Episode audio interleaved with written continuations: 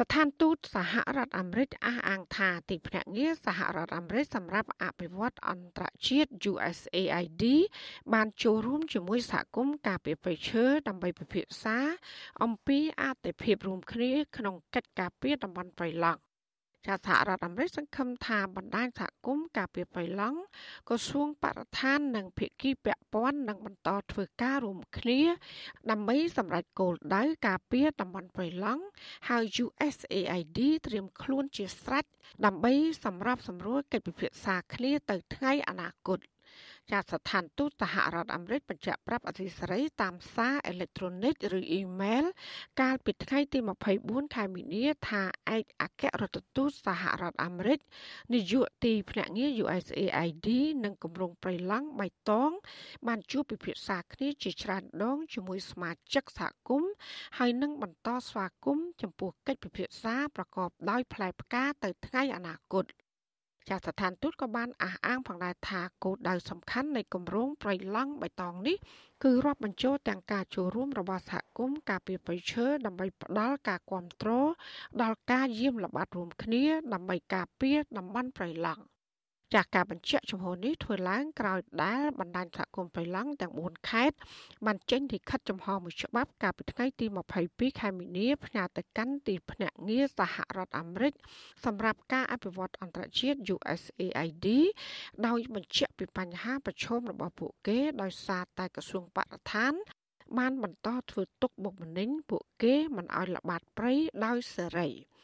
ពួកគេក៏បានលើកឡើងពីការខកចិត្តជាមួយនឹងដៃគូអភិវឌ្ឍអន្តរជាតិមួយនេះផងដែរចាពួកគេក៏បានអះអាងផងដែរថាពុំដែលឃើញ USAID ធ្វើការផ្ទាល់ជាមួយពួកគេនោះទេចាអ្នកសម្របសម្រួលបណ្ដាញសហគមន៍ប្រៃឡង់ខេត្តកំពង់ធំ លោកហ៊ឿនសុភាពអះអាងថាបណ្ដាញសហគមន៍ប្រៃឡង់ ពុំបានទទួលជំនួយគ្រប់គ្រងពី USAID ដើម្បីចុះល្បាតរួមគ្នាជាមួយឆ្មាំអភិរក្សរបស់ក្រសួងបរិស្ថាននោះឡើយលោកថាសហគមន៍ប្រៃឡង់មិនត្រឹមតែគ្មានជំនួយហិរញ្ញវត្ថុក្នុងបេសកកម្មទប់ស្កាត់បទល្មើសព្រៃឈើប៉ុណ្ណោះទេ គឺថែមទាំងមានការរំខាន ការយាយីនិងការគំរាមកំហែងលើសេរីភាពចុះល្បាតព្រៃឡង់ពីសំណាក់អាជ្ញាធរ ខ្ញុំទទូចស្នើសុំហើយស្នើសុំទៀតអត់មានឲ្យនិយាយរឿងចលោកចលំថាបានបានជួយមកដល់ព្រៃឡង់ទេគឺសុំបដិសេធទាំងស្រុងហើយបើសិនជាជំនួយនោះបានដល់ដៃទៅលើបុគ្គលណាសូមជួយប្រាប់ផងខាងបណ្ដាញព្រៃឡង់យើងនឹង4ខេត្តបដិសេធទាំងស្រុងដោយសារ USAID សូម្បីតែមួយរៀលលុយខ្មែរក៏យើងអត់បានទទួលយកដែរ ចំណែកឯអ្នកសម្របសម្រួលបណ្ដាញសហគមន៍ប្រៃឡង់នៅខេត្តកោះចេះនោះវិញ គឺលោកឯកវណ្ណារំលឹកថាកន្លងទៅបណ្ដាញសហគមន៍ការពីបៃឡង់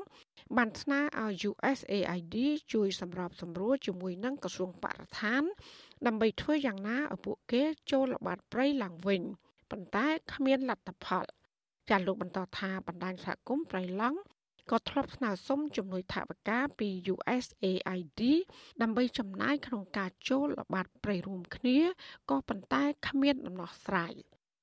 រួមផ្ទុយពីការពិតហ្មងវាអត់មានការពិតអត់សោះដោយសារតែបណ្ដាញសង្គមព្រៃឡង់គឺនៅតែបណ្ដាញសង្គមព្រៃឡង់អត់ឃើញព្រៃនឹងព្រៃឡង់ឬក៏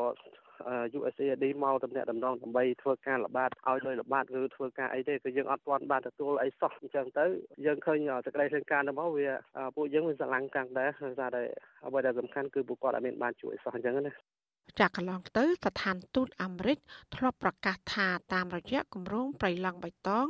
របស់ទីភ្នាក់ងារ USAID នេះស្ថានទូតជួយសមាជិកបណ្ដាញសហគមន៍ប្រៃឡង់ក្នុងការងារចុះល្បាតរួមគ្នាជាមួយនឹងក្រសួងបរិស្ថាន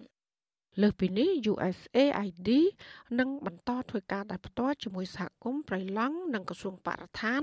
ដើម្បីគ្រប់គ្រងកិច្ចពិភាក្សាក្នុងគោលដៅរួមការពារប្រៃឡង់ បណ្ដាញសហគមន៍ប្រៃឡង់បន្ថែមថាពួកគេនឿយហត់និងខ្វល់ខ្វាយជាខ្លាំងជំវិញការគំរាមកំហែងដោយហិង្សា ការចាប់ខ្លួនពីអ្នកកាប់ឈើខុសច្បាប់ និងការចាប់ខ្លួនពីសំណាក់អាជ្ញាធរចាពួកគេបានឆ្លងកាត់គ្រោះថ្នាក់ការវាយប្រហារនិងការបាត់បង់ជីវិតជាដើម លើពីនេះក្រសួងបរិស្ថាន ថែមទាំងបានគម្រាមចាប់ខ្លួនសមាជិកបណ្ដាញសហគមន៍ប្រៃឡង់ប៉ះសិនបើពួកគេនៅតែបន្តប្រារព្ធភាពផ្កាយរណបដើម្បីតាមដានការកាប់បំផ្លាញព្រៃឈើនៅក្នុងតំបន់ព្រៃឡង់ចាចំណែកអ្នកនាំពាក្យក្រសួងបរិស្ថានលោកណេតភក្ត្រាធ្លាប់ប្រាប់អសីសេរីថាមូលហេតុ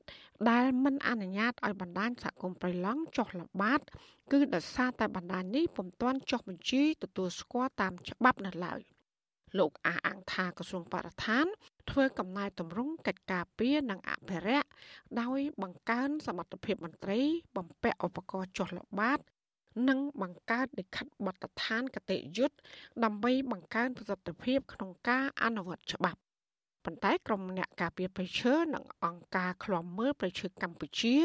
នៅតែលើកឡើងថាប្រៃឈើកម្ពុជា កំពុងតែត្រូវបានកាប់បំផ្លាញខ្លាំងឡើងខ្លាំងឡើង ចាំមកដល់ពេលនេះក្រសួងបរិស្ថានហាមឃាត់បណ្ដាញសហគមន៍ប្រៃឡង់រយៈពេល2ឆ្នាំមកហើយមិនឲ្យចុះល្បាតការពារនៅតំបន់ប្រៃឡង់ក៏ប៉ុន្តែអ្នកកាប់បំផ្លាញព្រៃឈើខុសច្បាប់បែរជាអាចចូលព្រៃនិងដឹកជញ្ជូនឈើចេញពីព្រៃឡង់បានដោយងាយ ចាបណ្ដាញសហគមន៍ព្រៃឡង់អះអាងថាក្នុងពេលដែលក្រសួងបរិស្ថាន បានបិទសិទ្ធិប្រជាប្រដ្ឋមិនឲ្យល្បាតព្រៃឡង់គឺព្រៃអភិរក្សមួយនេះ បានคล้ายទៅជាទីផ្សារកាប់ឈើខុសច្បាប់ទ្រង់ទ្រាយធំអស់ជាច្រើនខែមកហើយចាននាងខ្ញុំហៅសុធានីអាស៊ីសេរីពីរដ្ឋធានី Washington